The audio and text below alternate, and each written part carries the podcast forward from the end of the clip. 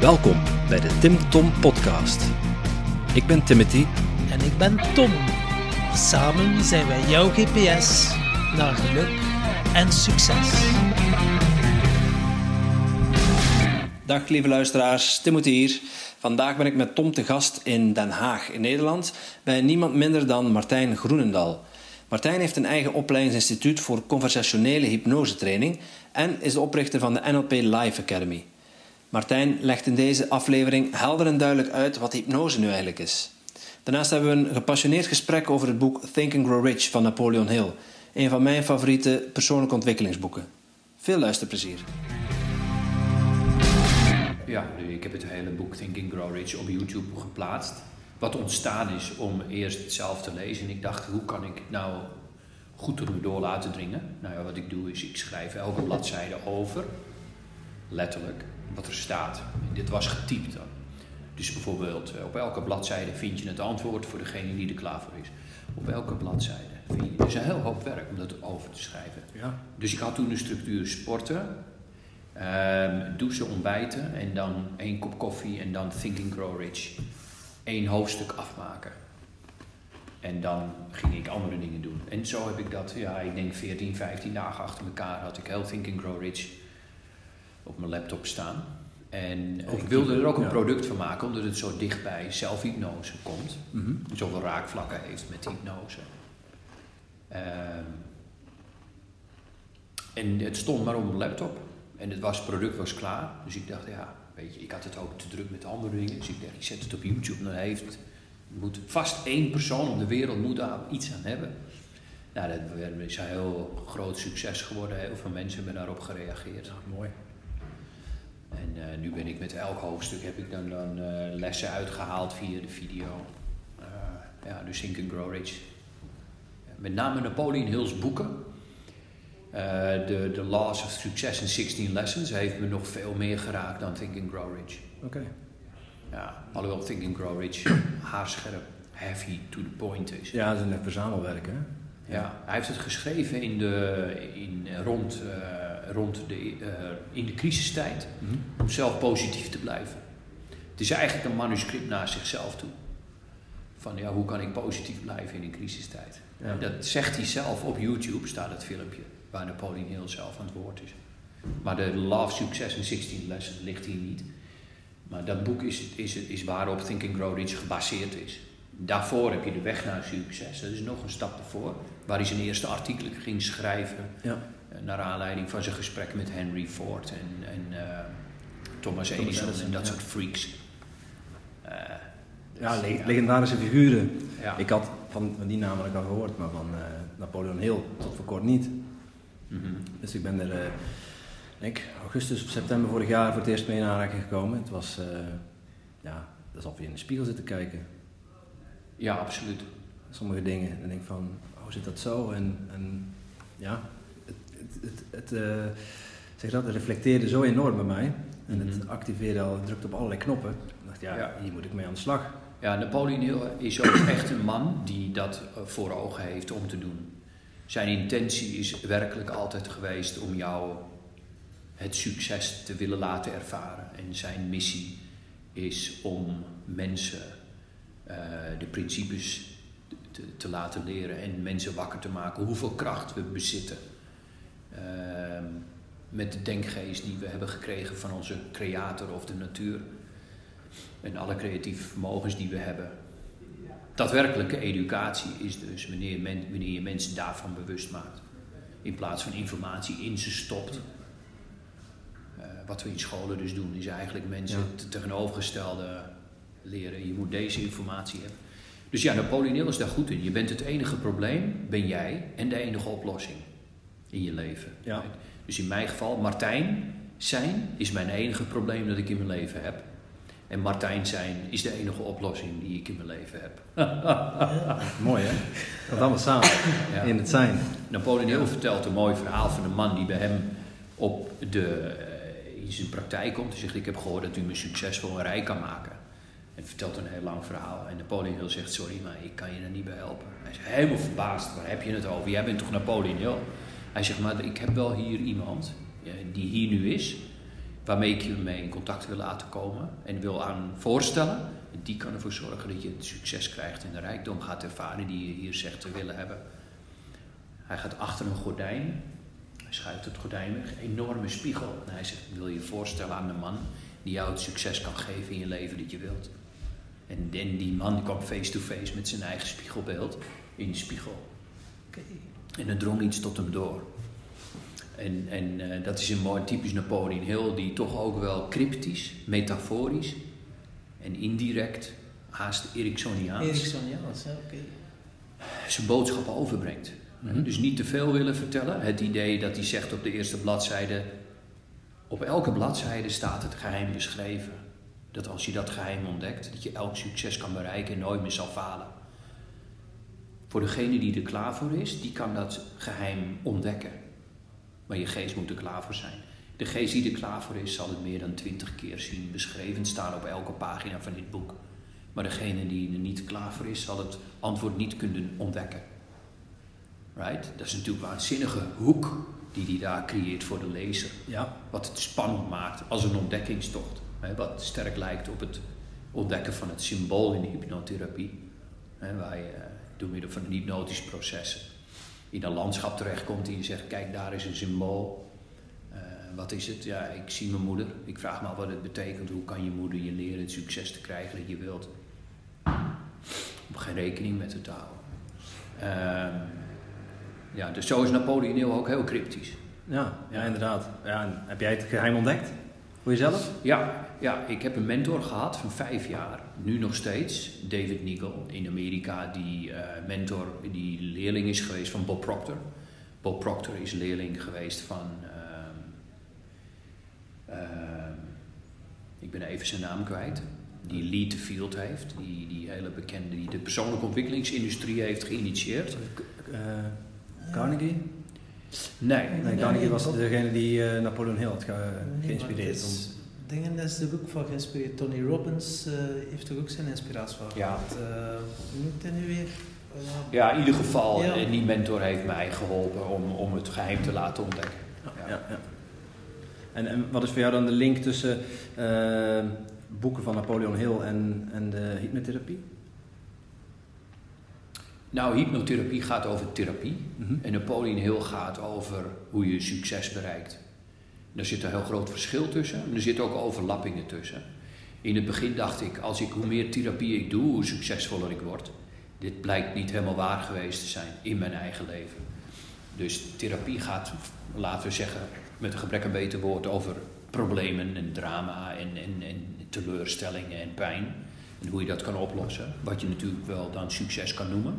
Maar succes, hoe Napoleon Hill het beschrijft, is puur het gebruik maken van onze creatieve vermogens als mens. Die we van nature hebben.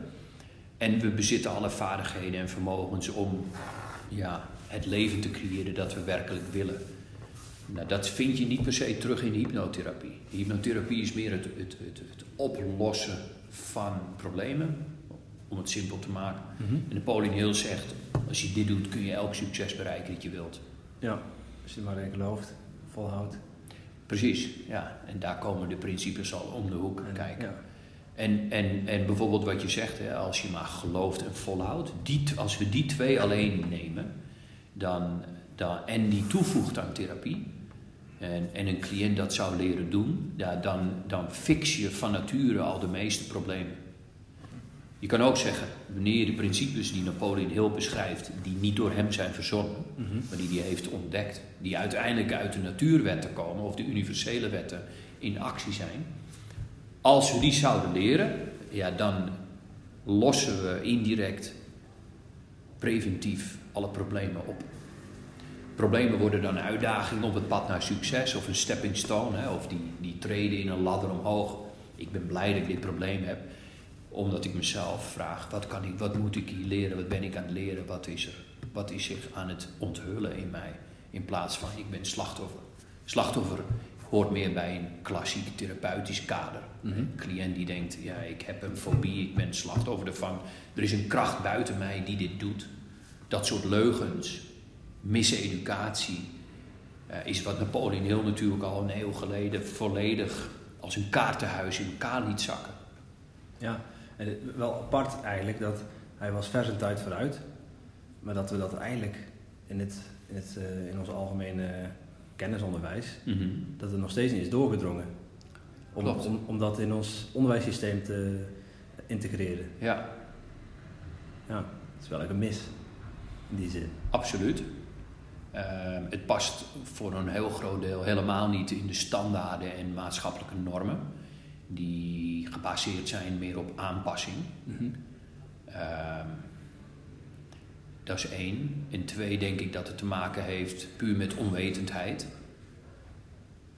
En drie heeft het te maken met dat ja, de meeste leraren en leraressen hebben niet het succes zoals eh, Thomas Edison eh, op dat niveau. En hebben die ambitie ook nooit misschien ehm, op zo'n niveau. Ja. Maar het, het, het, het hoofdprobleem wat Bob Proctor zegt is, ja, is onwetendheid. Ja, het is ook niet echt zichtbaar, hè?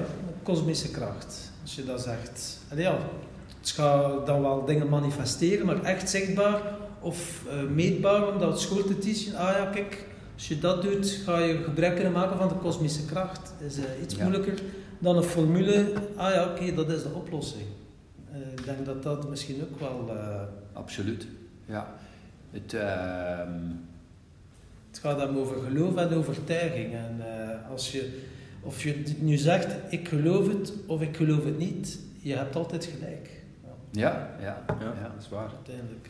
Het, en en het, het, het, het eh, algemeen bewustzijnsniveau, of je zou kunnen zeggen het algemeen niveau van, van waaruit we opereren, de mindset van waaruit we opereren, ja, die, dat zou je ook een cultuur kunnen noemen, wat je in een bedrijf een cultuur noemt. Willen de meesten niet veranderen, omdat er ook heel veel zekerheid en vertrouwen is, zelfs in dingen die niet werken. Mhm. En het is een stug log apparaat. Dus dat vereist een geest die honger is naar innovatie en vooruitgang. En, en daar zijn er niet zo heel veel voorbeelden van. Want een honger naar innovatie en vooruitgang is tegelijkertijd een bedreiging voor de status quo. Ja, dan ben je een paria. Hm? Binnen, binnen zo'n bedrijfscultuur ben je dan ook een paria. Ben je een paria? Een bedreiging eigenlijk, ja. Ja, precies. En, en, en, en, en die bedreiging wordt gevoeld vanuit een verkeerde aanname dat, dat er iets te verliezen is. Ja, verliesaversie die versterkt dan dat zo iemand geen, geen klankbord krijgt. Ja, ja. En, dat er, en dat er zelfs informatie die waardevol is, ehm, uitgebannen wordt. Ja. Wat je eigenlijk in de geschiedenis natuurlijk wel meer ziet. De waarheid ehm, is levensgevaarlijk. ja, ja, ja. Kijk naar Martin Luther King. Die is vermoord omdat hij de waarheid uitspreekt. ja. Uh, kijk naar uh, de, de, de kerk, die het vroeger meer voor het zeggen had in bepaalde landen dan nu. Uh, mensen in de naam van God vermoorden omdat ze ideeën hadden, wetenschappers. Uh, er zijn, daar zijn heel veel voorbeelden van. Ja. Ja, het is wel heel mooi het bruggetje dat je maakt, want de podcast is in een iets andere volgorde. Normaal gezien starten we een mooie altijd ja. uh, met een vraag van onze vorige gast. Maar nu tijdens ons voorgesprek is het al zodanig interessant dat we dat toch ook gaan gebruiken uh, in de podcast. Dus zou ik nu willen starten met onze eerste vraag van de vorige gast. Ja. Wat is waarheid voor jou? Hoe kan je ch checken of iets waar is? Ja, ja dus dat wa waarheid is alles wat goed is. Oftewel, alles wat leidt tot meer leven is waar. Dus alles wat waar is, iets wat leidt tot meer leven, meer integratie, meer eenheid is waar. Okay. Alles wat leidt tot achteruitgang, minder leven, is niet waar. Waar in de zin van, ik verkoop hier mijn waar. Iets wat waardevol is. He, waar en waarde is gerelateerd. Dus ik geloof dat wat waar is, is wat mij tot mijn ontplooiing doet leiden. Mhm. Oké, en hoe kunnen eh, mensen bijvoorbeeld eh, checken wat dat waar is? Want bijvoorbeeld, het gaat allemaal heel snel in de maatschappij en bijvoorbeeld over voeding. De ene is gezond en dan de andere beweren het is ongezond. Dus hoe, Ja. hoe neem jij daar eh, de keuzes van, oh ja, dat is waar of dat is niet waar? ja, als je het hebt over wat voor informatie moet ik wel en niet geloven, Ja. of welke informatie kan ik wel en niet geloven. Ehm, de uitdaging die mensen daar kunnen hebben, is dat ze eigenlijk daar dus bewust worden dat ze de hele connectie met hunzelf nooit hebben gehad. Want dan zou je weten wat waar voor jou is. Dus de- sommige informatie kan waar zijn voor de ene persoon, maar niet waar zijn voor de andere persoon. En dan zijn we terug bij het punt van eerdere, wat goed is voor de persoon. Eh. Melk is goed voor die persoon, maar do- dodelijk voor die persoon. Een appel eh, is heel goed voor die persoon, maar voor een andere persoon kan het dodelijk zijn. En dus waarheid is in die zin dan, ja, moet je dan per situatie beoordelen. Eh, maar als je kijkt naar internet, van ja, die zegt vijf voedsels, vijf voedsels die je moet vermijden. Eh, dit moet je nooit eten. Er is een enorme chaos die er is ontstaan. De fake news. Eh, dit is nieuws en, en dat is niet nieuws. Mensen zijn in de war. Ehm, ja, ik denk de enige waarheid is dat je erachter komt wat waar voor jezelf is. Dus dat doet een uitnodiging tot spirituele groei. Uh, is spiritualiteit gedefinieerd als het ontdekken van wie je bent. Uh, ik heb het niet per se over spiritualiteit, UFO's, tarotkaarten en mediums. Maar spiritualiteit als zijnde zoals de Boeddha het beleeft van wie ben ik en wat kies ik als mijn missie in dit leven. En vanuit daar kun je gaan beoordelen wat waar en niet waar is voor jou.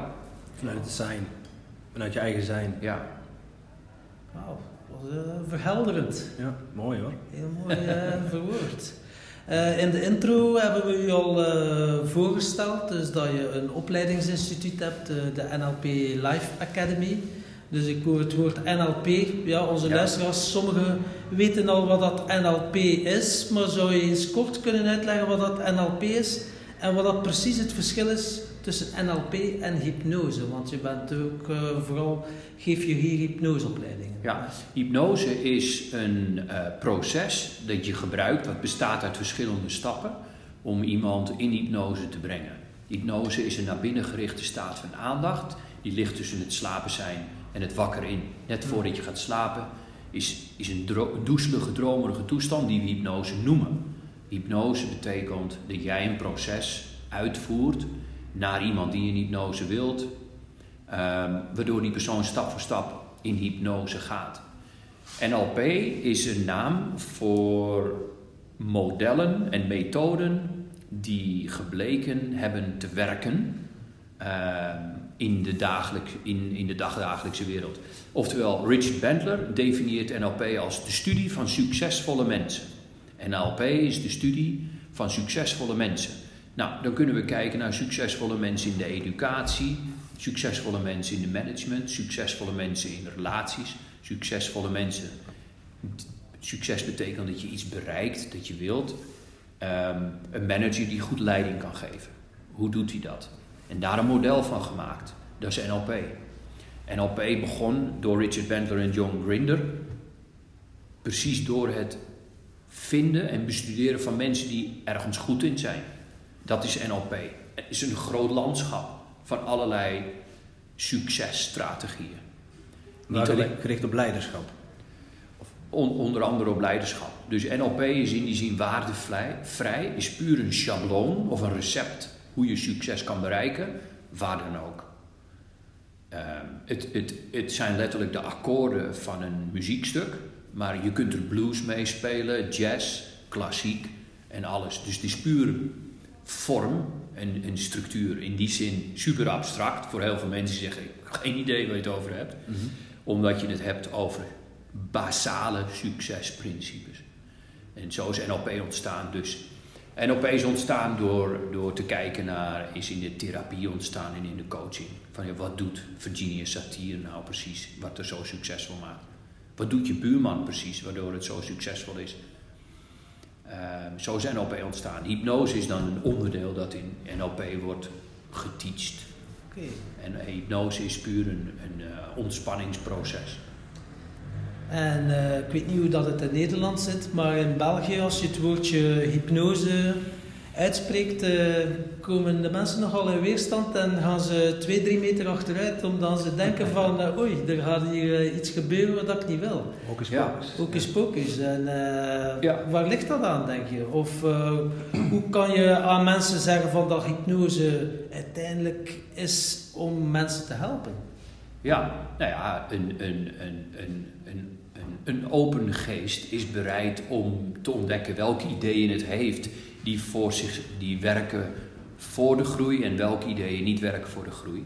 Met andere woorden, iemand die wil leren, die kan de juiste definitie van hypnose leren.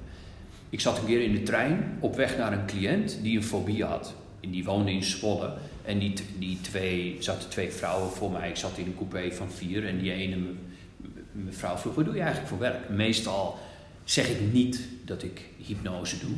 Vanwege verschillende redenen.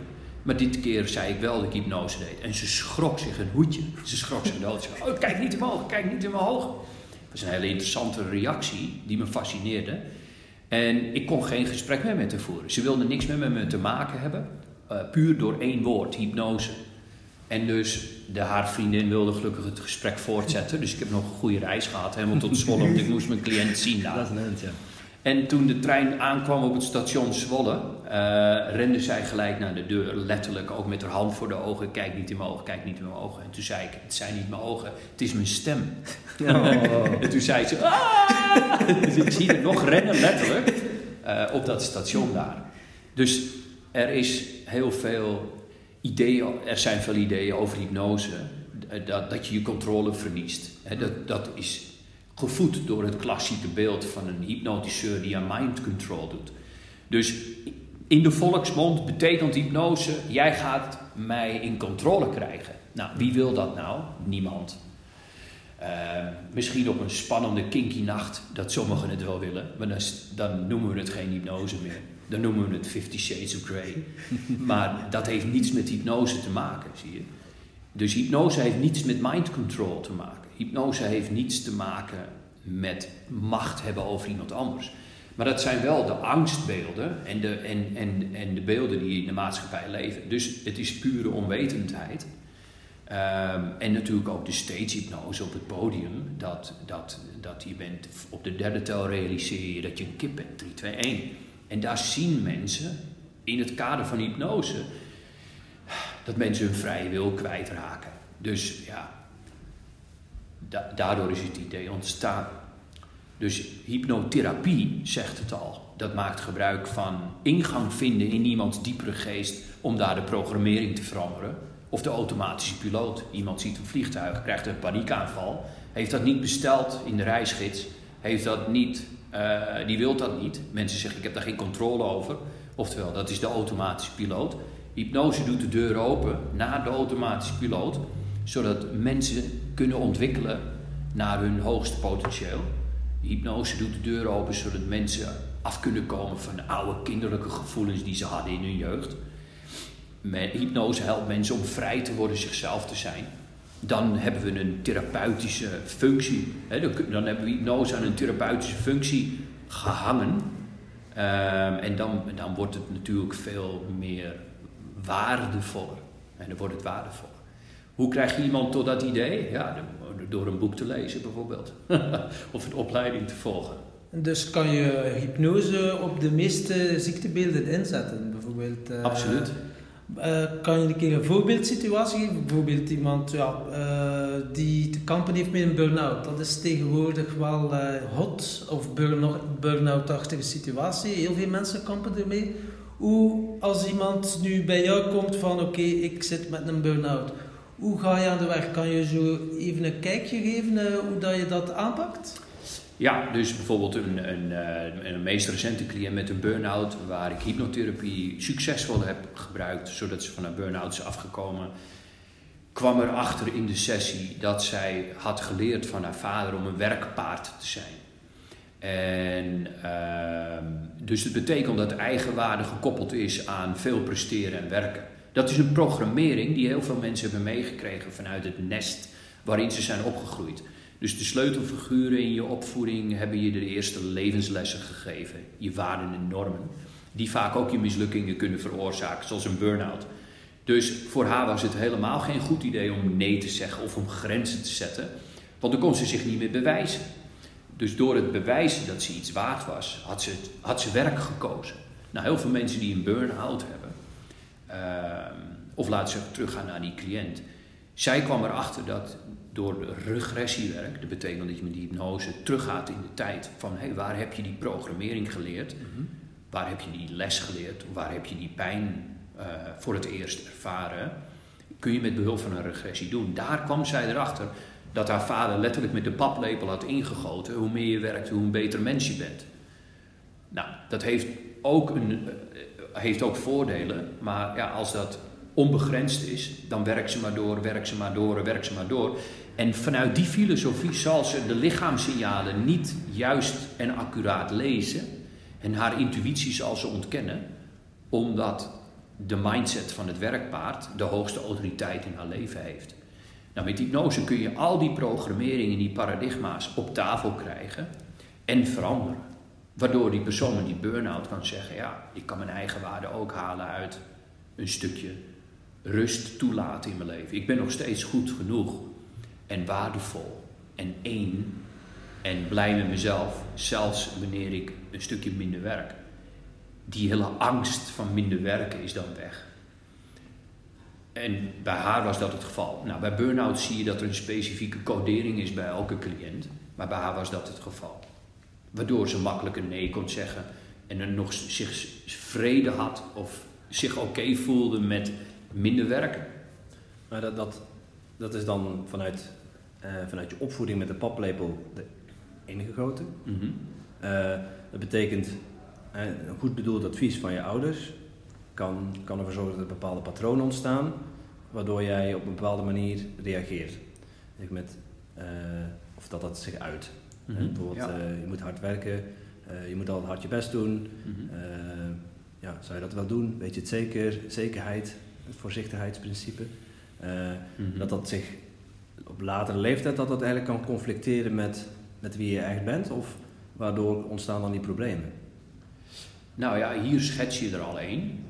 Dat de, wat je ouders je hebben geadviseerd of hebben geleerd, wat belangrijk is, wie je moet zijn. Vanuit hun perspectief. Hè? Hm? Vanuit hun perspectief. Ja. Precies, vanuit hun perspectief. En dat is ook het enige wat ze hebben. Uh, hebben ze je de opvoeding gegeven, de hun laten we ervan uitgaan, hun beste spul gegeven. En daar groei je mee op. Dat zijn je, je, je basis mindsets, hoe je mind is gezet. Wat we ook al waarden en normen noemen. Dat wordt dan jouw perspectief. En, en dat kan heel goed werken je hele leven. Echter, sommige perspectieven, bijvoorbeeld net wat ik net schetste, kan dan in conflict komen met bijvoorbeeld het lijf dat op een gegeven moment zegt, ja, maar ik ben wel heel erg moe. Ja, niet lullen, doorwerken. Kan een intern stemmetje dan zeggen. Het werkpaard spreekt dan letterlijk. En dat conflicteert dan met de grenzen van uh, fysieke gezondheid. Het kan conflicteren ook met, ja, eigenlijk wil ik helemaal niet. Uh, wat je vaak ziet is dat, je, dat, dat eigenlijk wil ik helemaal niet voldoen aan de verwachtingen die mijn vader van mij heeft. Ik heb mijn hele leven eigenlijk voldaan aan ja, een beetje in het straatje van mijn vader te zijn, zodat hij me de goedkeuring, de liefde, de veiligheid, de zekerheid gaf. En dat, dat heeft een tijdje gewerkt. Of je moeder, of welke sleutelfiguur dan ook, want daar haal je je zekerheid vandaan. Kan conflicteren op een gegeven moment met, ja, maar ik wil, een, ik wil mijn eigen leven leven. Ik kan me herinneren dat ik bij mijn eigen opleidingsinstituut in mijn eigen leven en mezelf succesvoller wilde maken. En dat, dat idee dat ik me gelijk schuldig voelde omdat ik de contracten en de overeenkomsten met mijn familie en gezin moest breken. Dan kom je face-to-face met je programmering in je automatische piloot. Nou, dat is heel normaal, want dat, zo was je geprogrammeerd. Maar ja, wanneer je meer wilt dan je ouders, dan kom je per definitie ze tegen. Ja. En dat kan conflicteren. Ja, dan moet je die conditionering aanpassen of... E- Exact. Hey, en dat vind ik dan wel interessant, want je zegt, eh, ik heb die cliënt gehad met die burn-out. Mhm. Je, met regressietherapie heb je de, de oorsprong daarvan Mhm. bij haar blootgelegd. Juist. Alleen dan is er nog een stap van ehm, ja, een stap te maken tussen het herkennen van, van de oorzaak en anders gaan handelen. Mhm. Ja. Eh, kun je daar wat meer over vertellen? Ja, daar beschrijf je het hele leerproces. Hè? Of een succesvol leerproces is wanneer je dan erachter bent gekomen wat, je, wat de oorzaak is van wat je een probleem noemt. En dan vervolgens een nieuwe oorzaak in beweging zetten. Of een nieuw, laten we het woord perspectief gebruiken, een nieuw perspectief kiezen. En daarop leren handelen tot en met, de twee, tot en met het punt dat het je tweede natuur is. Dat is hetzelfde proces als ik wil piano spelen, maar ik ben in het begin ben ik onbewust incompetent. En dan die drie fases erachter. Dat is een model hoe je ernaar kan kijken. Het heeft een tijd nodig tot een tweede natuur wordt. Dat is het voordeel als je genoeg weet wat je precies wilt. Of als je precies weet wat je wilt, dan, ja, dan kun je heel systematisch dat leerproces wat je daar beschrijft succesvol doorlopen. Ja, Of, of conditioneringen veranderen. En Ja. je kan dan zeggen, welke conditionering heb ik nodig? Zodat ik automatisch doe wat ik wil doen. Welke overtuiging heb ik nodig? Zodat ik automatisch ga doen wat ik wil doen. Welke mindset heb ik nodig? Zodat ik de persoon kan zijn wie ik wil zijn. Dat soort vragen geven je dan de nieuwe programmering die je nodig hebt Mhm. Wanneer je dat ter harte neemt, oftewel emotioneel betrokken ermee raakt, of wat een andere manier is van aanleren, doe je het gewoon. Want dat is de menselijke natuur. We zijn leermachines van hier tot Tokio. Ja, Right? Alles wat we doen wordt een verslaving. Dus zorg ervoor dat je gezonde verslavingen krijgt. Want je, je, je brein is nu bezig om te automatiseren. Dus overal waarmee je in aanraking komt, is een deel van je bezig. Let's automate it. En dat kan. een proces Heel automatiseren. Ja, Juist. Ja. En daarom zie je dat. Dan hebben we het over negatieve gewoontes, alcoholverslaving of verslavingen. Zijn eigenlijk. geven de successen aan van de automatische piloot. Maar het zijn wel dysfunctionele patronen. Ja. Maar nog steeds zijn het geautomatiseerde patronen. Dus dat is een grote power die we allemaal hebben. Nou, hypnose kan wel leren om daar sturing in te brengen. Maar bijvoorbeeld eh, iemand die iets ergs heeft meegemaakt, eh, je kan dat toch moeilijk wegnemen, want je hebt dat wel meegemaakt. Hoe ga je daarmee om? Iemand die een trauma heeft meegemaakt. Je kunt moeilijk hocus pocus, eh, het is precies niet gebeurd. Mhm, Ja. Nou, mensen hebben meestal geen last van een trauma als ze er neutrale gevoelens bij hebben. Dus een trauma is een trauma meestal omdat ze de, de emotionele beleving die ze voelen, het gevoel dat ze erbij hebben, dat is hun probleem. Met andere woorden, het is een pijnlijke herinnering. Ja. Een trauma betekent dat in de situatie waar je was, was de intensiteit zo hoog, zo sterk, zo krachtig, dat je op dat moment geen weerbaarheid kon bieden aan die externe stress, waardoor het in je persoonlijke grens gekomen is op een manier dat zo snel ging, bijvoorbeeld. Snelheid is één element. Of de dreiging van buitenaf was zo levensgevaarlijk, of je ervaarde het als levensgevaarlijk, waardoor je daar ook de controle verloor of in je beleving. En, en, en die ideeën veroorzaken meestal dat die indruk traumatisch genoemd wordt. Echter, wanneer we de emotie ervan neutraliseren, door middel van hypnotherapie bijvoorbeeld, dan zien we dat we het trauma anders kunnen beleven. Dan, dan, het is, we kunnen het verleden niet veranderen in die zin, maar je kan wel de manier hoe je het beleeft veranderen. Oftewel, hoe je, er, hoe je erover denkt kun je veranderen. Hoe je ernaar kijkt kun je veranderen, vroeg of laat. Dat kan een tijd duren, maar het, feit blijft, je kunt je perceptie veranderen ten aanzien wat er is gebeurd. Waardoor je lijf ook anders gaat voelen. Wanneer je dan die nieuwe conditionering ter harte neemt. Dus je kunt ook de betekenis die je eraan geeft veranderen. Je kunt een, een NLP fastphobia cue doen, hè, waar je letterlijk die herinnering op een bioscoopscherm voorstelt in een hypnotische staat. En die herinnering twee keer zo snel terugspoelt op dat filmdoek in je verbeelding. Dan ben je bezig met perceptie. En door die terugspoeltechniek, met circusmuziek erbij nog wat stappen, zie je dat je, dat je het menselijk brein, die je trauma heeft geleerd, in datzelfde brein, met hetzelfde trauma, die hele trauma-ervaring verwerkt. Maar beter gezegd, neutraliseer je die hele emotie. Je kunt eventueel een les eruit leren, waardoor het niet meer hoeft plaats te vinden.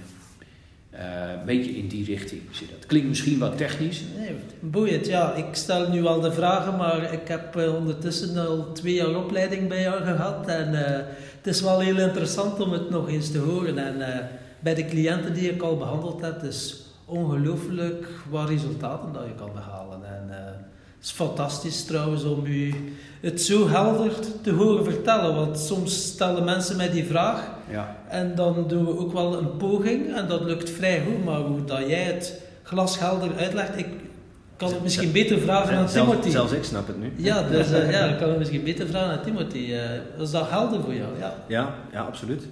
Uh, het geeft ook wel een, een, kijkje, een andere kijk op, op wat hypnose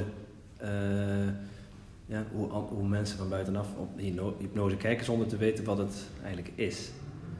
En dat is, Absoluut, ja. Het is wel een uh, heel andere invalshoek. En eigenlijk, wat jij zegt, uh, hoe andere mensen, de buitenstaanders, naar hypnose kijken, is niet, is niet per se waar. Hè? Nee. nee en wat, en, maar. maar wat een mens niet kent, heeft, heeft een mens, hebben mensen de neiging om af te wijzen. Ja. Right? Wat, wat deel is van het reptiele brein. Ja, wat, wat de boer niet kent, ja, hij niet. Ja, juist. Ik wou net zeggen. ja, ja. ja. Hey, en jij zei in het begin, uh, toen we over hypnose begonnen, zei jij van als iemand in hypnose uh, gebracht wil worden, daarmee geef je eigenlijk aan dat, uh, dat je er wel voor moet openstellen om gehypnotiseerd te worden. Klopt dat? Of kun je eender wie hypnotiseren? Ja, nou, dat is hoe ik persoonlijk werk.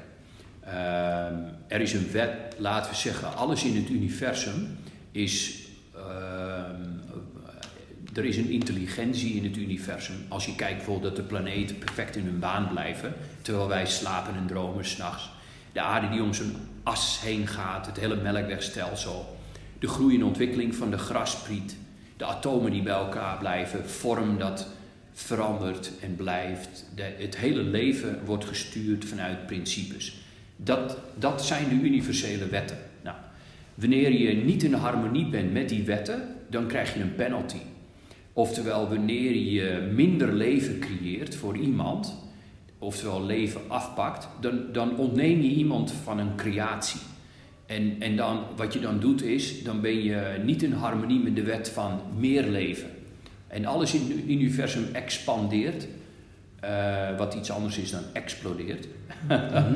right? Het is expansie, expansie, groei en ontplooiing. Alles wil tot zijn volledige ontplooiing komen. Graspriet, een bloem, een zonnebloem, jij, wij, mensen, de luisteraars. Iedereen wil groeien, iedereen wil meer zijn, doen en hebben. Dat is de natuurlijke levenskracht. Nou, dat is meer leven in actie. Alles in het universum is onderhevig aan die wet.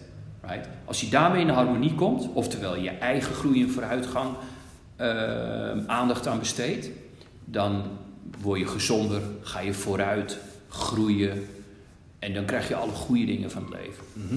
Als je door wat voor reden dan ook, uit onwetendheid of een negatieve overtuiging, pijnlijke ervaring uit het verleden of luiheid of wat de reden ook is, jezelf minder leven geeft, oftewel achteruit gaat, ja, dan ga je steeds meer achteruit. Met andere woorden, wanneer je iemand hypnotiseert tegen zijn of haar wil, dan breek je de wet. Dat is wat ik geloof dan. Dus, want vrije wil is wel degelijk een feit. Iedereen heeft een vrije wil, geloof ik. En wanneer iemand niet in hypnose wilt, is dat een keuze. Wanneer je iemands keuze ontneemt, dan krijg je problemen met de creator. Dan krijg je problemen met, met met de law, met de wetten in het universum, geloof ik. En ik, ik vind het een goede wet. Het is common sense. Kun je iemand hypnotiseren tegen zijn wil in? Absoluut. En heel makkelijk en heel snel. Niet iedereen, maar het kan. En er zijn heel veel mensen die dat doen. Is dat goed of slecht? Ja, ik zelf doe het niet. Ik heb er geen moeite mee dat anderen het doen. Dat maakt me ook helemaal niet uit. Ik lig daar niet van wakker. Het interesseert me ook niet. Maar daarvoor zei ik, iemand die moet wel in hypnose willen, vanuit mijn perspectief bekeken dan. Right? Ik, uh, je kan op straat iedereen hypnotiseren die wil of niet wil. Werkt dat altijd? Dat is nog iets anders. Maar ik ga niet iemand hypnotiseren tegen zijn wil in. Ja, waarom zou ik? Ja, dat is ook waar. Maar... Ja, ik vraag ja, altijd, wat is het resultaat dat je wilt? Welk probleem wil je oplossen? Dus ik ben in die zin, en, uh, ja, zit ik echt in het, in het, in het, in het uh, ontwikkelingsland, het ontwikkelen van mensen. Ja. Right? En zij zeggen, ik wil me zo ontplooien, ik wil me zo ontwikkelen. En dit houdt me tegen. Dan raak ik geïnspireerd en gemotiveerd. Als ik iemand op straat tegenkom die zegt, oh, hypnose is eng. Dan denk ik, ja, onwetende ziel, prima. Ik, ik lig er niet wakker van. Uh, kun je die nog steeds hypnotiseren? Absoluut. Die hand kan plakken aan de grond en er nooit meer vanaf komen. is het zo extreem, ja? Nou ja, nooit meer vanaf komen is misschien wat extreem. Maar elke suggestie die iemand gelooft, is waarheid. Ja, dus je verandert voor... Wat je met hypnose doet, is eigenlijk de waarheid in iemand zijn gedachten wijzigen. En daar ja. iets anders voor in de plaats brengen wat dan de nieuwe waarheid wordt. Inderdaad. In de notendop. Ja. In de notendop, ja. ja.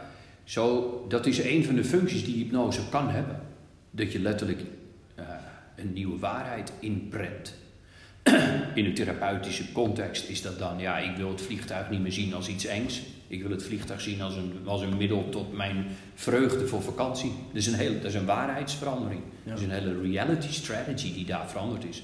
Ik kan mijn hand niet vastplakken aan de tafel wanneer jij dat zegt. En wanneer iemand in hypnose is, kan dat wel. Het is maar, uh, ja, laten we zeggen, het kan, een, het, het, kan niet zo praktisch zijn natuurlijk. ja, hey, ik vind het, vind het in die zin super interessant, omdat ik heel raakvlakken hoor met wat ik gelezen heb in Think and Grow Rich. Mm -hmm. Onder andere over die conditionering. Ja. Um, hij heeft daar een, een heel hoofdstuk aan gewijd.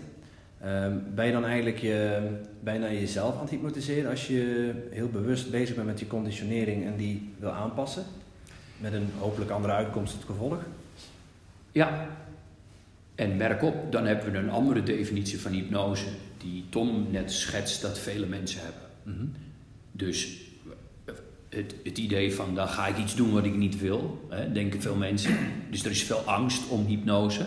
Dat komt door de definitie die ze hanteren. Elk idee maakt je of vrij of bang. Nou, in dit geval is het een idee over hypnose. Uh, dat zij zien als ik verlies me wil, ik doe iets wat ik niet wil, ik word een kip. In dit geval, nu je Think and Grow Rich erbij haalt, en dat in lijn brengt met hypnose, ben je de definitie van hypnose aan het veranderen.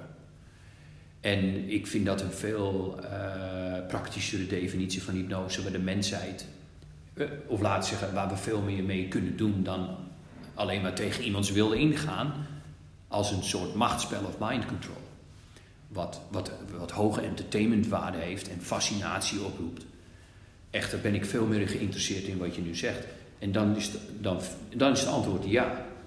Napoleon Hill is heel veel bezig, misschien nog steeds wel, met het herconditioneren van zijn, van, van zijn geest. Ja, hij heeft het dan ingezet om ja, mensen bewust te maken dat ze dat zelf in de hand kunnen nemen.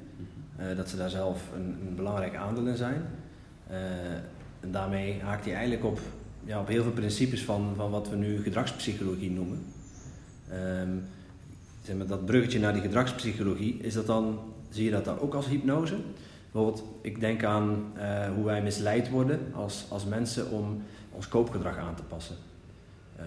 dat met, ze spelen in op hè, de, de marketingmensen spelen in op, op verliesaversie of op je status quo bias, Mhm. waardoor je ja, gedwongen wordt of hè, in je onbewustzijn ge- in die richting wordt geduwd die marketeers willen. Ja, Is dat dan, dat valt ook onder ja. hypno- hy- hypnose eigenlijk? ja dus als we, als, we, als we dit van boven bekijken, Mhm. of van vogelperspectief, dan zou je het zo kunnen zien dat dat ieder mens heeft een onderbewuste, wat de automatische piloot is, en een bewuste. Dus de denkgeest is verdeeld in twee delen. We hebben een bewustzijn, dat is ons intellect, ons redeneringsvermogen. Dat is waarmee we keuzes en beslissingen maken. Dat is een deel van de geest die ideeën kan afwijzen, maar ook die ideeën kan toelaten. Een poortwachter voor een kasteel. Mhm. Dat deel is nog niet ontwikkeld bij een kind van 0 jaar. Ook niet van 1, 2, 3, 4, 5, 6. Bij 7 jaar zien we dat een kind een intellect heeft ontwikkeld. Dat idee, dat kan zeggen dat idee is niet goed voor mij, dat idee is wel goed voor mij. Dit idee wil ik meer waarmaken, dat idee wil ik een leugen van maken. Dit wil ik niet geloven, dat wil ik wel geloven. Dat geloof ik wel, dat geloof ik niet. Dus het onderbewuste dat een volwassene ook heeft, die kan dat niet. Dus ieder mens heeft nog steeds dat deel in zich, dat zodra dat deel van de geest het gelooft, dan gelooft het hele systeem het. Ja, dan kun, je, dan kun je denken en zeggen en doen wat je wil. Maar... Ja, precies. Dan kun je zeggen, ik weet echt mijn naam nog wel. Vertel je naam aan. Ehm, ehm, het ligt op het puntje van mijn tong. Dat zie je dan in hypnoseshows waar dat gedemonstreerd wordt. Het idee is naar binnen geglipt. Waar naartoe dan? Het onderbewustzijn in. Tak, het is locked in. Het zelfbeeld van mensen woont daar ook. En dus je kan nooit je zelfbeeld outperformen. In het Engels komt dat wat mooier over. You cannot outperform your self-image. Oftewel, ja, de aangeleerde beperkingen ja, zijn alleen maar beperkingen omdat het onderbewuste gelooft dat het beperkingen zijn. Dus ja, hypnose is dan eh, dat proces eh, wat ervoor zorgt dat ideeën in dat deel van de geest belanden. Nou, voor een verkoper en een marketeer, als dat het juiste woord is, of iemand die marketing doet, die is bezig jou die ideeën te willen laten geloven, met name door emoties op te roepen. Want emoties komen dus exact uit dat deel van de geest Ja. die we, dat we het onderbewustzijn noemen. Dus hypnose is in die definitie dan een proces waardoor het idee geaccepteerd wordt. Dus ja, zodra je het onderbewuste bereikt, die kan alleen maar accepteren. Het onderbewustzijn is immoreel, kan alleen maar accepteren. Je kunt het vergelijken met zwarte aarde in een tuin. Alles is erin plant. De wet van meer leven zegt dat moet meer worden. Een functioneel idee wordt meer, een dysfunctioneel idee groeit met dezelfde overvloed. ja, zowel positief als negatief. Ja, Volkswagen is het beste merk. Ja, dat is iemand die is gehypnotiseerd dat Volkswagen het beste merk is. Nee, Audi is het beste merk. Lamborghini, dat, dat is een echte auto. Dus alle overtuigingen van mensen komt alleen maar omdat ze het geloven. Hoe komen ze daaraan? Ja, iemand heeft ze beïnvloed. En, heeft, en dat was die hypnotiseur in hun le- hun leven. Dus een kind die opgroeit, wanneer je eh zeven jaar bent, heb je geloof ik al 20.000 uur hypnose gehad van je vader en moeder. Oké. Heftig. Ja, Ja. want dat zijn dan de eerste hypnotiseurs in je leven. Maar de grootste hypnotiseur of beïnvloeder ben je zelf. Dus als je zelf die ideeën van je vader en moeder herhaalt, Mhm. dan, ja, je bent niet verantwoordelijk hoe je het hebt gekregen, maar je bent nu wel verantwoordelijk om, het, om die conditioneringen te veranderen. Dus onze luisteraars zijn bij deze gewaarschuwd. ja, zeker. Ja.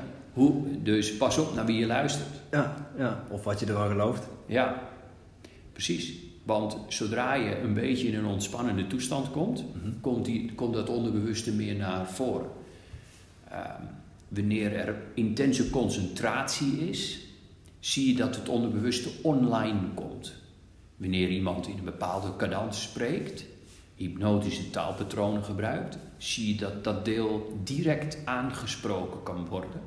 En dat is natuurlijk het vak met VAK, wat hypnose is. Ja, ja, ja. ja. Mooie nuance. Het is heel visueel grappig.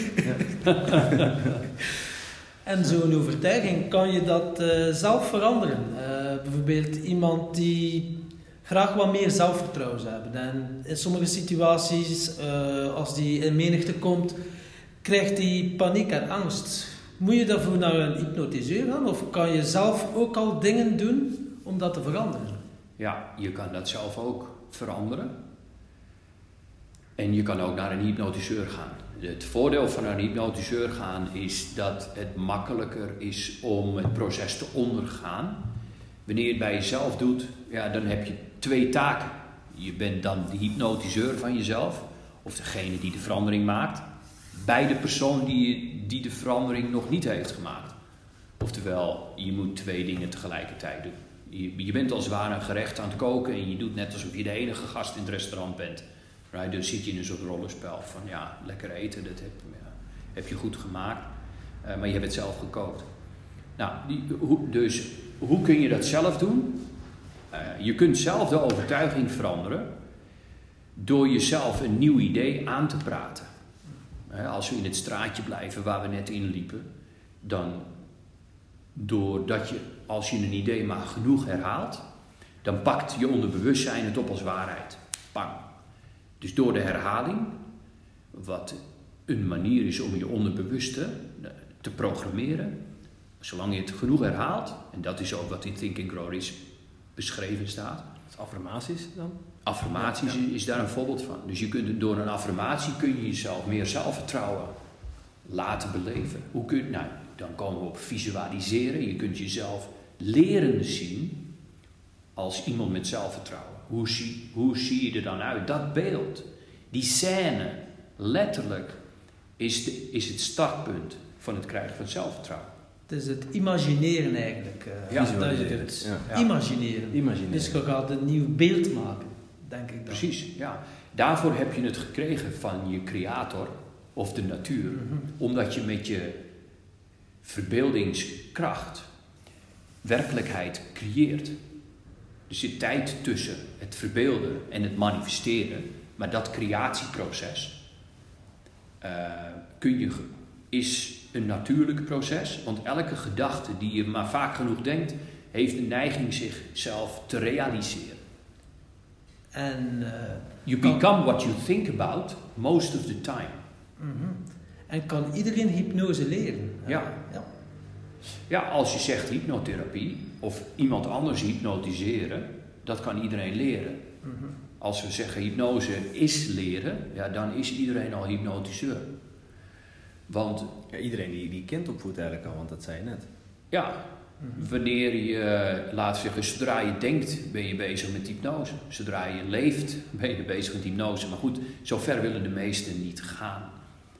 Uh, dus ja, iedereen kan hypnose leren. Dus uiteindelijk, als we het omdraaien, uiteindelijk is uw werk mensen uit hypnose halen. ja. Want mensen geloven iets ja. dat niet klopt, waardoor dan ze gaan stagneren en jij haalt die hypnose weg, zodat ze terug vrij kunnen leven en dat terug kan stromen.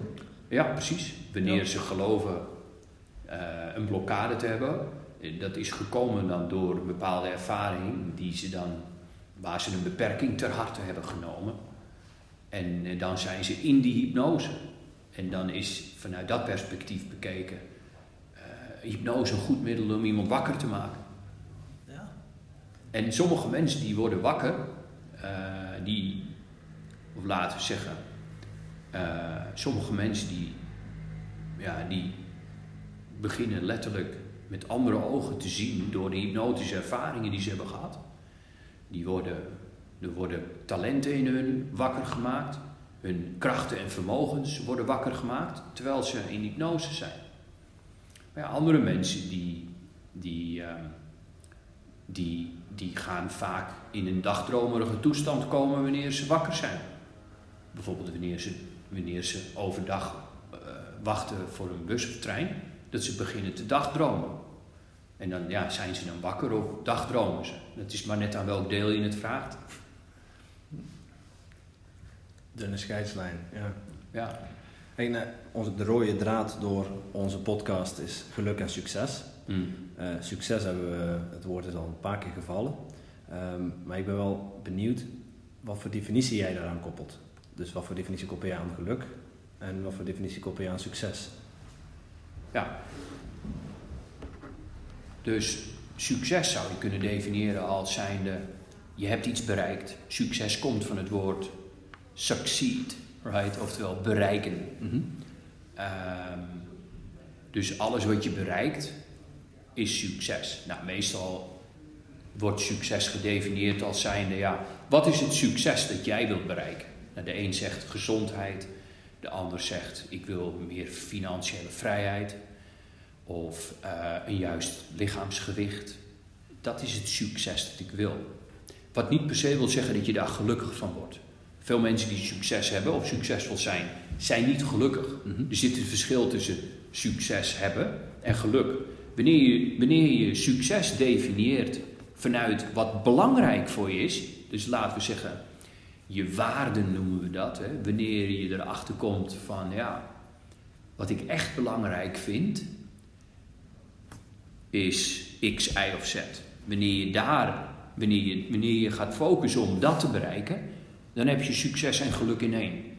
We noemen het ook wel een dirty goal. Wanneer je succes hebt, heel veel mensen krijgen bijvoorbeeld dan de rijkdom en voelen dan nog steeds een leegte. Omdat de rijkdom maar een deel is van wat ze echt belangrijk vinden. Nou, het voordeel daarvan is wanneer ze dan het succes hebben dat ze niet gelukkig maakt, dat je er alsnog achter kan komen wat je dan wel gelukkig maakt. Een leegte laat altijd zien wat er ontbreekt. Um, maar geluk is veel meer, heeft veel meer te maken met het hart, zou je kunnen zeggen. Oftewel, wat, waar word jij vreugdevol van? dat heeft altijd te maken met um, iets wat je belangrijk vindt. Dus, dus, je, dus de behoeftes die je echt hebt, de waarden die jij hebt, is waar je veel belang aan hecht. Iets wat rijk aan belang is voor je, als je daarvoor gaat, dan word je ook gelukkig. Dus gelukkig zijn is iets wat, wat blijvend is. Um, succes kan natuurlijk ook blijvend zijn. Zo zie ik een beetje het verschil. Succes is puur het idee van ik bereik iets. En geluk is veel meer, uh, ik heb een ervaring die me vervult. Omdat er iets aanwezig is wat zo belangrijk voor me is. En wanneer was jij voor het eerst gelukkig in je leven? Wanneer was je daarvan bewust, oké, dat is geluk? Hoe, hoe is die zoektocht gelopen? Uh, kun je ons even meenemen? Ja, nou, de flits die ik gelijk in mijn gedachten krijg is... ik kon uren met Lego en Playmobil spelen als drie, vier, vijfjarige. Uh, ja, van 11 uur s ochtends tot 11 uur s avonds zat ik in een hele andere wereld. Uh, waar ik volledig gelukkig, waar niets ontbrak een bouwpakket te maken. Uh, Lauren Hardy kijken. André van Duin kijken. Toon Hermans kijken. Uh, dingen die, die betekenis hebben voor je, maakt je gelukkig. Dingen die geen betekenis voor je hebben, kunnen nooit geluk brengen. En uh, dat zijn een van de eerste geluksmomenten. Maar ook de vakanties met mijn vader en moeder. Door de bergen heen rijden. Met de auto en de muziek op. En het samen zijn met, met de gezinsleden. Humor, de grappen maken. Een gezellige tijd samen. Um, leren van mensen die iets weten. Um, kennis. Mm -hmm. Muziek. Uh,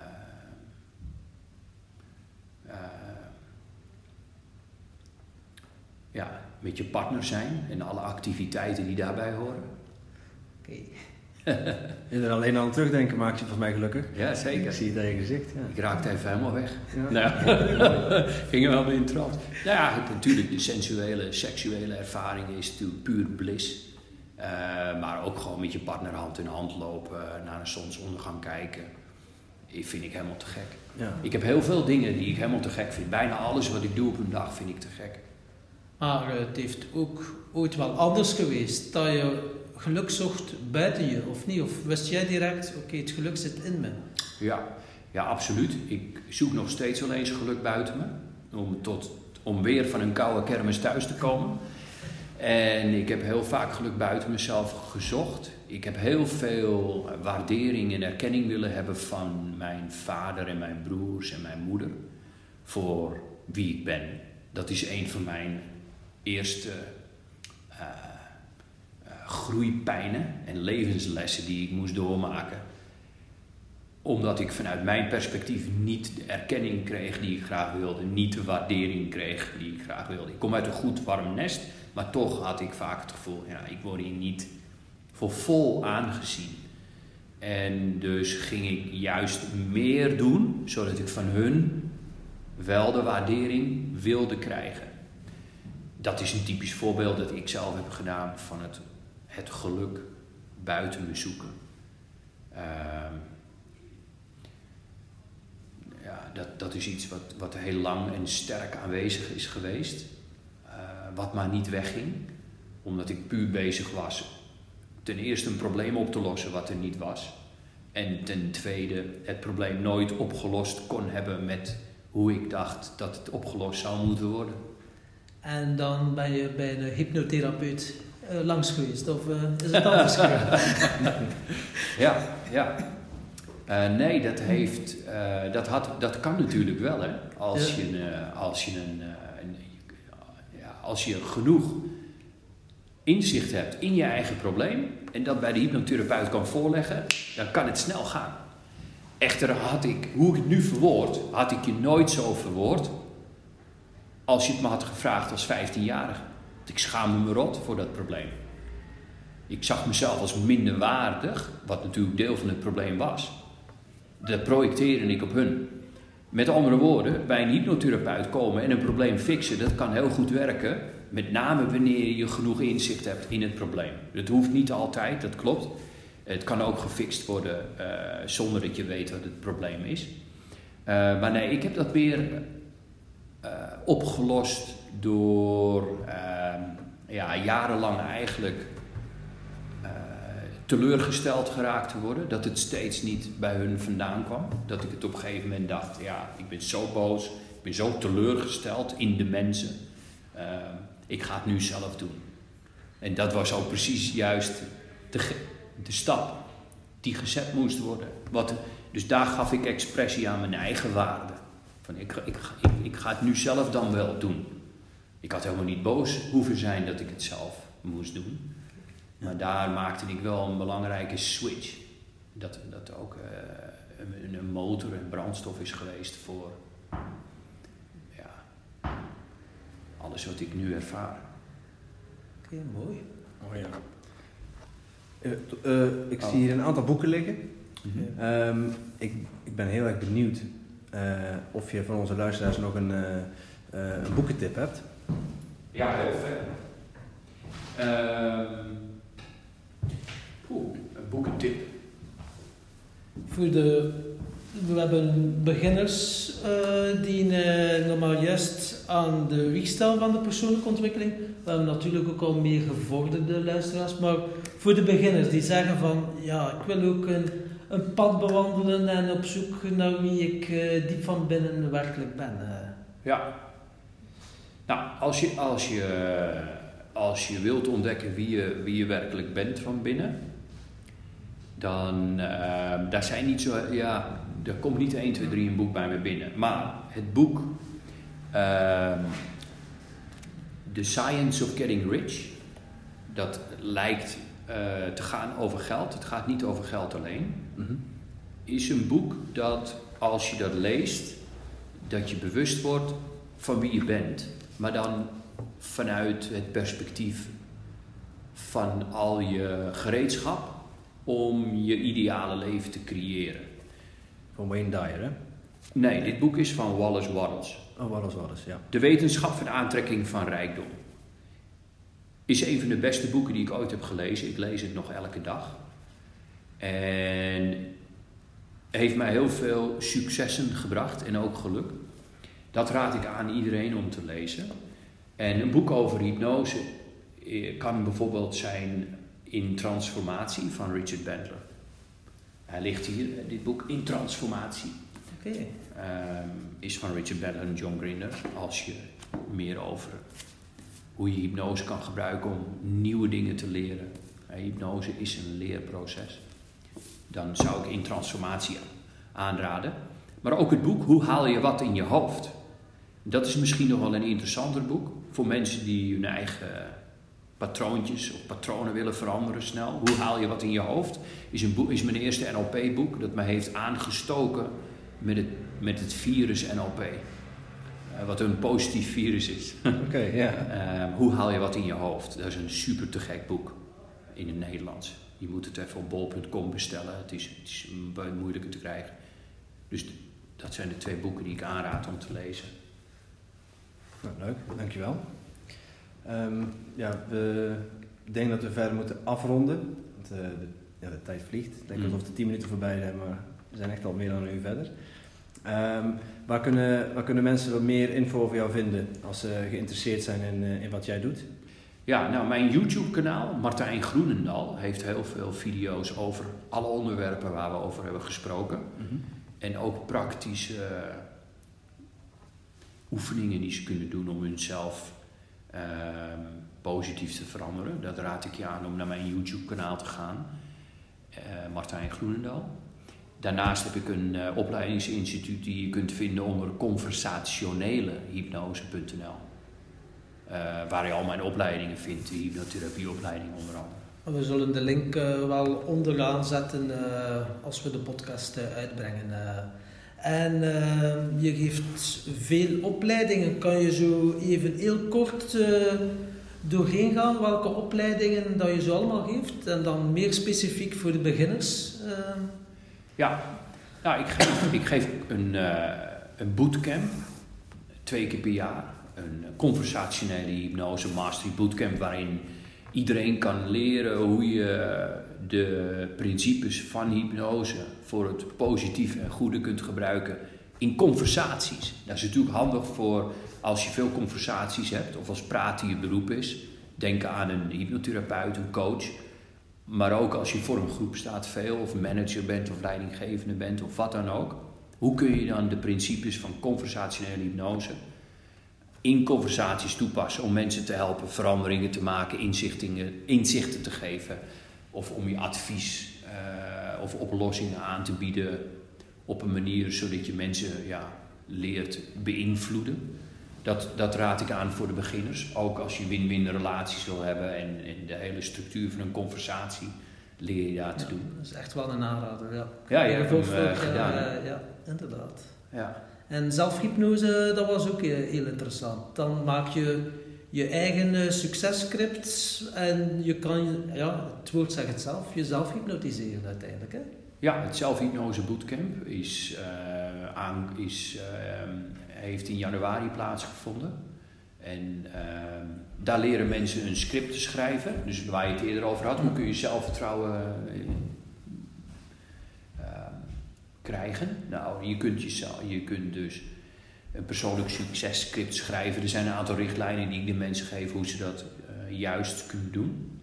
En dan leer ik ze ook zes stappen van het zelfhypnoseprotocol. Hoe je jezelf dus in een hypnotische staat kan brengen. Om vervolgens dat script wat je zelf hebt gekozen, uh, aan dat deel van jezelf over te dragen dat automatismes maakt. Dus dan hebben we het over je automatische piloot, die dan het script ja, tot je tweede natuur maakt.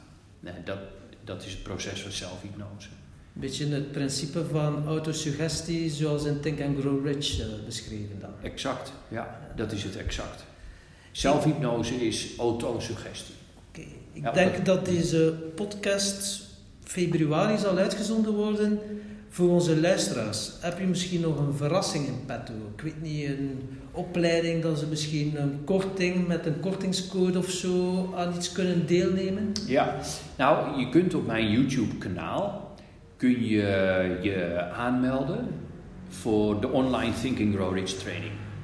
Okay. En dat is voor mensen die de principes die Napoleon Hill beschrijft, in zijn boeken ja, willen leren toe te passen in hun dagelijks leven. Voor financiële vrijheid, maar ook voor persoonlijke vrijheid, meer zelfexpressie. Om eigenlijk gewoon een topleven te hebben met alles erop en eraan. Maakt niet uit hoe jij het wilt. Um, en die think, uh, online Thinking Grow Rich training kunnen mensen zich voor aanmelden door hun naam en e-mail achter te laten. En daar kunnen ze dan gratis aan deelnemen? Ja, ja, dus een training waar ze gratis aan kunnen deelnemen, waarin ik ze door een aantal processen heen haal. Uh, schrijfopdrachten en video's. Afijn, dat zie je dan vanzelf wel als je je naam en e-mail achterlaat. Oh, mooi. Die, die video's kun je vinden als je ze direct wilt vinden. Uh, de weg naar succes, dat is een boek van Napoleon Hill. Ik heb, ik heb de hele weg van succes kun je op YouTube vinden, naast ook het boek Think and Grow Rich. De Weg van Succes is dus ook een boek van Napoleon Hill, die op YouTube staan nu. En dat kun je dus als een audioboek luisteren. En ehm, bij die video's, het zijn blauwe video's die je op mijn YouTube kanaal kunt vinden, heb je een linkje. En als je op die link klikt, dan kun je daar die online Thinking Grow Rich training uh, voor, kun je daarvoor registreren. Ja, we gaan die ook aan onze, zullen ook zeg maar onder onze podcast uh, die link opnemen. Ah, super. Uh, ja. Dan hoeven de, zeg dat de luisteraars niet, niet per se te zoeken, dan kunnen ze hem ook rechtstreeks vinden. Ja. Ja, ja da dankjewel. Ja, dan kunnen ze daar rechtstreeks zich registreren voor uh, de online Thinking Grow Rich training. Ja. Mooi. Uh, ons concept is dat we altijd eindigen met een vraag voor de volgende gasten. En nu weten we de naam, dat is Patricia van Lingen en die heeft de School voor Relaties. Is eigenares van de School voor Relaties. Om ja. uh, tot de kern van jezelf te komen. Welke vraag heb jij voor haar? Ja. Dat is ook een Nederlandse trouwens. Ja. ja. De vraag voor haar is: uh, hoe definieer je een goede relatie met jezelf? Wauw. Heel uh, helder, concreet en uh, ja, ja, mooi. Ja. mooi is een eenvoud. Wauw. Ja, ik weet niet wie het is, maar um, ik zou zeggen: digest. ja, mooie vraag. Ik ben ook heel benieuwd naar het antwoord. Ja. En uh, voor we afsluiten, is er nog iets waar je het wil over hebben, waar we het nog niet over gehad hebben? Volg je droom. Volg je droom. Mooi. Mooi afsluiten. Dankjewel Martijn. Ja. Dankjewel. Nou, te gek dat ik op, uh, op de podcast ben. Hier, bedankt. Ja.